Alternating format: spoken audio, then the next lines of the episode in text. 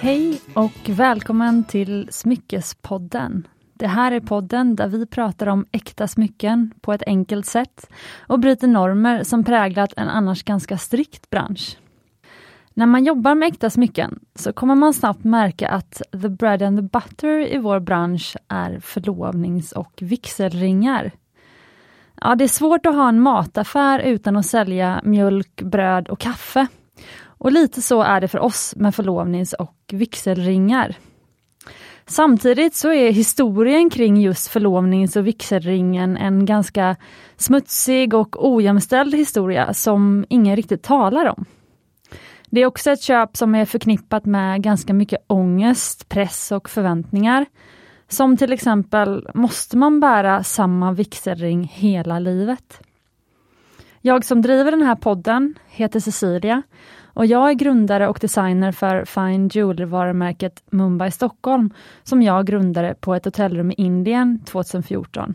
Och jag märkte ganska snabbt att just branschen kring äkta smycken och ädelstenar är kanske en av de mest förlegade, traditionsbundna och omoderna branscher som finns.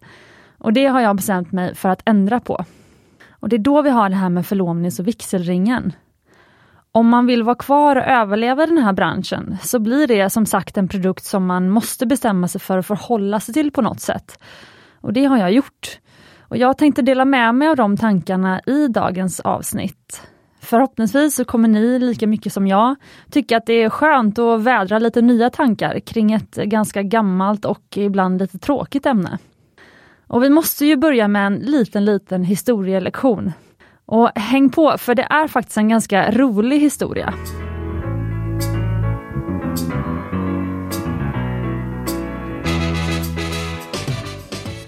Varför bär vi egentligen förlovnings och vigselring överhuvudtaget?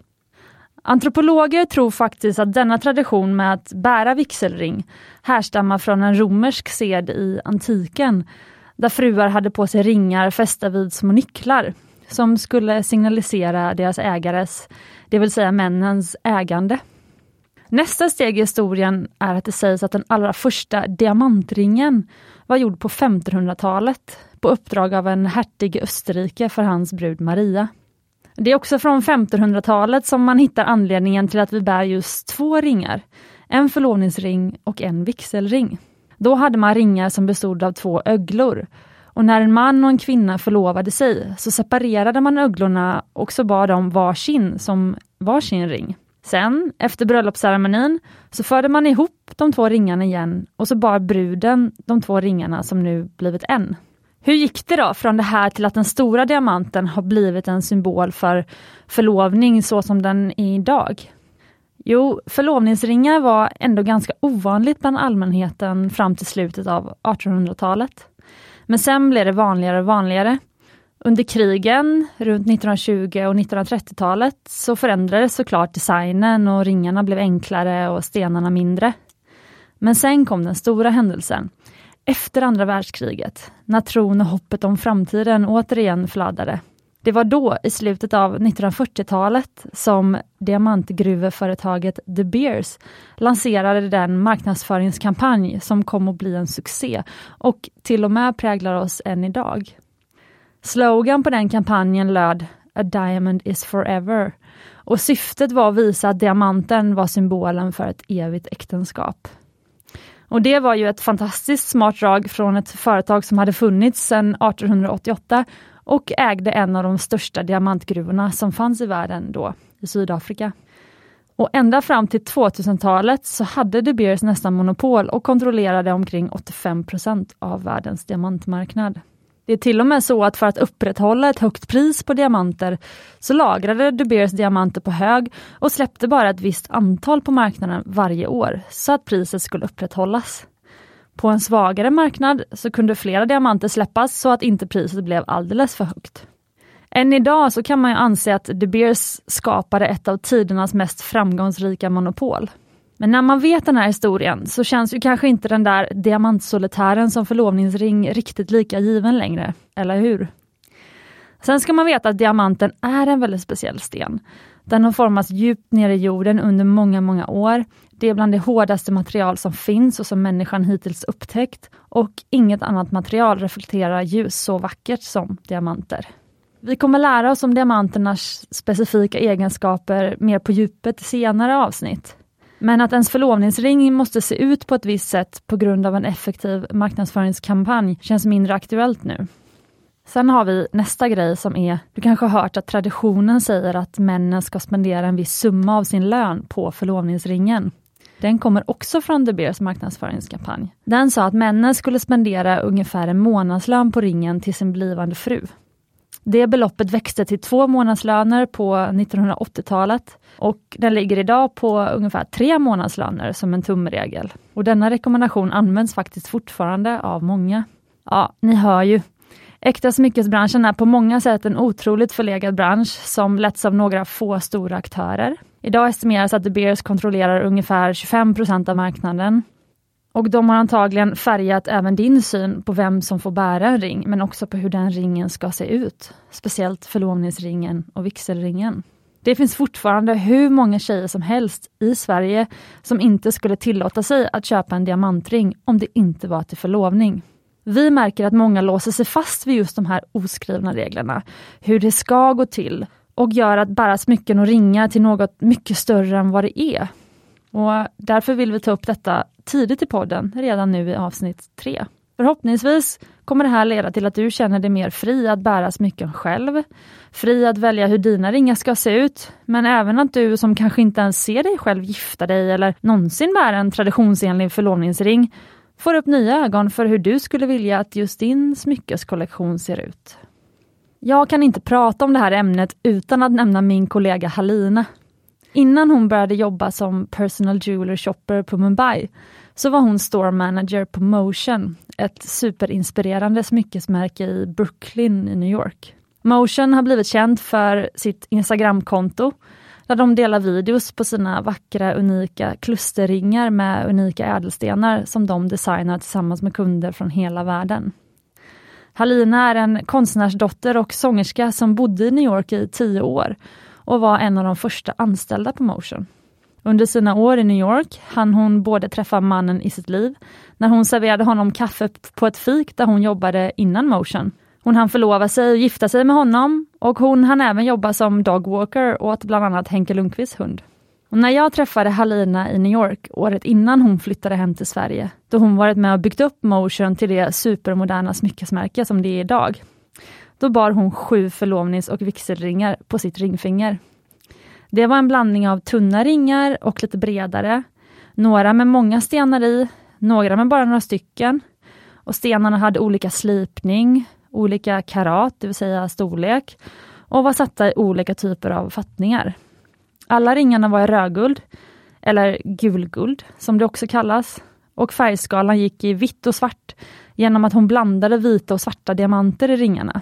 Jag tyckte att Halinas ringfinger var som en uppvisning i hur man bygger den perfekta ringstacken. Några hade runt ringband, några var kantiga. Alla ringar var unika i sig själva, men tillsammans bildade de en symbios som en enda stor vacker jättering. Efter det har hon byggt på med ännu fler ringar, till exempel just en diamantsolitär som hon faktiskt gjorde i vår ateljé. Hon bär inte alla ringar samtidigt alltid. Ibland bär hon bara en eller två och ibland allihopa. Och jag har tänkt på det här och jag ser det lite som att symboliken kanske snarare är fingret. Att hon bär alla ringarna på vänster ringfinger. De ringarna hon bär där står för hennes familj, hennes man och dotter. Ringarna byter hon ut, men när hon bär ringar på just det fingret så symboliserar det dem. Oavsett hur ringen ser ut, hur många det är eller vilken ring det är. Och det är lite så jag också känner kring det hela. Jag vet inte varför, men jag har aldrig sett mig själv gifta mig eller förlova mig. Jag har aldrig drömt om det. Vilket är ironiskt med tanke på det som jag jobbar med idag. Å andra sidan är det kanske just det som hjälper mig att hålla distans till allt. Men jag kan däremot leka med tanken på att bära en ring som får symbolisera min kille. Jag var singel i sex år innan jag träffade honom och då bar jag ändå alltid ringar på vänster ringfinger. Jag bar ju ringar på alla fingrar. Däremot så kände jag ofta att jag ville ha en powerring på just ringfingret. Men det var ju mest för mig själv. Jag gillade att bära en stor stack eller en uppseendeväckande ring som hade en cool ädelsten. Jag tyckte både det var kul att bryta normer. Jag tänkte att de som såg mina ringar på ringfingret och trodde att jag var förlovad eller gift, skulle kanske bli inspirerade att själv våga tänka utanför boxen i valet av sina ringar. Men även att jag ville ge mig själv självförtroende i att jag var en stark tjej som inte behövde någon partner för att vara hel. Nu när jag har kille, så leker jag lite med tanken på att skaffa en ring som får symbolisera honom. Och den vill jag då bära på mitt vänstra ringfinger. Det är väl eh, mitt sätt kanske att eh, ära arvet i den bransch som jag ändå vikt mitt liv åt och ära alla de par som bär sina kärleksringar där. Men samtidigt så får jag göra det på mitt sätt. Hur skulle den se ut då? Ja, när jag valde mina egna powerringar att bära där så valde jag gärna ljusa, glada färger. Det är sådana jag naturligt dras till. Ljus champagne, ljusgul, ljusrosa, vitt. Men jag har även en mörkt grön turmalinring hemma som jag gjorde för några år sedan av en ädelsten som jag blev kär i. Nu när jag tänker på min kille så tänker jag att jag såklart måste ha något svart i. Han är en kille som älskar rockmusik och bilar. Han gillar att komma hem från garaget nersvärtad och i första alla hjärtans dag-present när vi hade träffats i två månader, så fick jag ett par svarta meckarbyxor från Clas Olsson. Så jag måste ha något svart i ringen som ska symbolisera honom. Men sen tänker jag att jag vill ha något uppseendeväckande, något eh, extra, eftersom den ska symbolisera att han kom in i mitt liv och just gav mig något extra. Mitt liv var superbra innan honom och jag hade lärt mig att göra mig själv lycklig på egen hand. Till exempel Mumbai har gjort mig väldigt lycklig. Men han kom in och gav mig som små strössel i livet, som fler skratt i vardagen. Han hjälpte mig fixa grejer och livet blev lite enklare. Och han uppskattade när jag lagade mat, vilket gjorde att jag fick ett ännu djupare matintresse. Och han fick mig att jobba mindre. Han gjorde mitt liv lite mer avslappnat och lite roligare. Allt det där lilla extra vill jag symbolisera i något extra med en ring. Så när jag tänker på den ring som jag vill bära för honom ni kan tänka det som en förlovningsring fast utan förlovningen. Så tänker jag. En stor svart diamant, helst i rektangulär slipning, för jag tycker det är en vacker slipning och vill passa på nu när jag valt en sten som inte gnistrar, för svarta diamanter gnistrar inte. Men sen vill jag ha en ljus halo runt av små, små vita briljanter runt hela den här svarta diamanten. Och de får gärna gnistra väldigt mycket. Och den här halon är ljuset runt honom, det ljuset som jag fick bli en del av. Det blir en enkel, lite vintersinspirerad men speciell ring. Som får mig att tänka på honom och vår relation varje gång jag tittar ner på ringen. Och svårare än så tänker jag att det inte behöver vara att välja ring. Men om jag nu skulle börja övertänka, vilket många av oss är experter på, då kan man ju börja fundera. Kommer jag vilja bära den här ringen om 10 år? om 20 år. Och det är här jag skulle vilja ge dig och mig själv rådet att direkt släppa de där tankarna. Det tipset jag vill ge är lev i nuet. Gå på hur din relation är idag. Med dig själv eller någon annan, ditt liv och dina förutsättningar. Jag har till och med en tjejkompis som ångrar att hon förlovade sig så ung eftersom de inte hade så mycket pengar då. Jag säger tvärtom, hur fantastiskt är det inte att hon fann sin kärlek så tidigt? Fira med en till ring nu på ert tioårsjubileum. Vem vet vad som händer med din smak eller ens med världen om fem år? Tänk om du idag skulle bestämma vilken jacka du ska ha på dig varje vinter de kommande 20 åren. Det är ju omöjligt. Eller så väljer man det absolut säkraste kortet som man tror aldrig kommer bli omodern.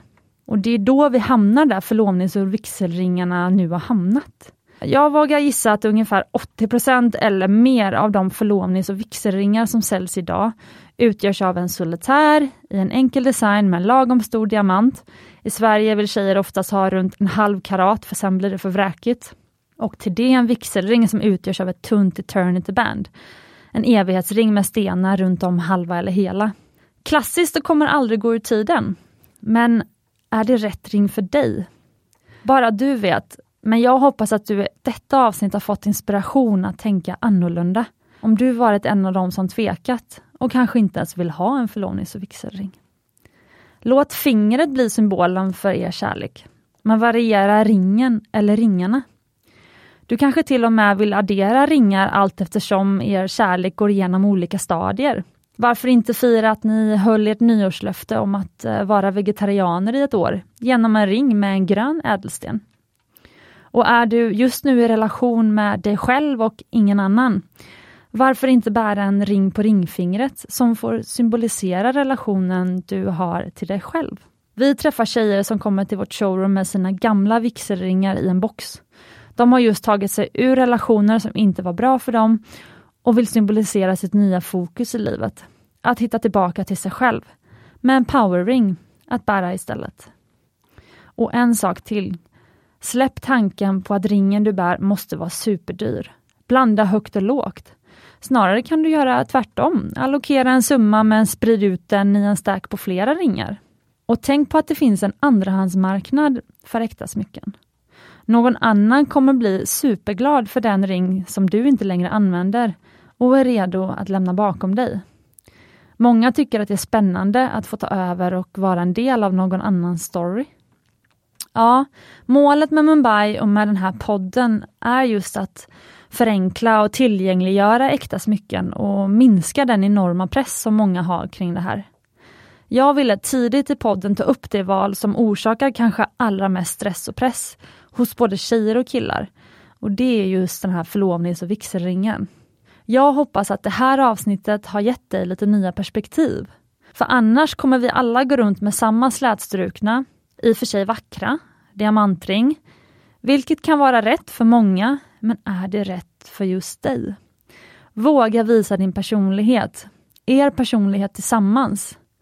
Och tänk på just att tanken om att man ska bära något hela livet, det kan få den mest kreativa själen att låsa sig. Lev i nuet. Stort tack för att ni varit med mig idag. Jag skulle uppskatta väldigt mycket om du som lyssnar fick några tankar och ville dela dem med mig. DMa mig i så fall gärna på Instagram, där jag heter The Jewelry Designer, eller på Smyckespoddens egna Instagram, som numera finns och där vi heter just Smyckespodden. Det här är podden där vi pratar om äkta smycken på ett enkelt sätt. Podden finns nu i alla stora podcastspelare och du kan börja följa oss där det passar dig. På Spotify, i Apples podcaster och på Acast. Och glöm inte, du är värd äkta smycken.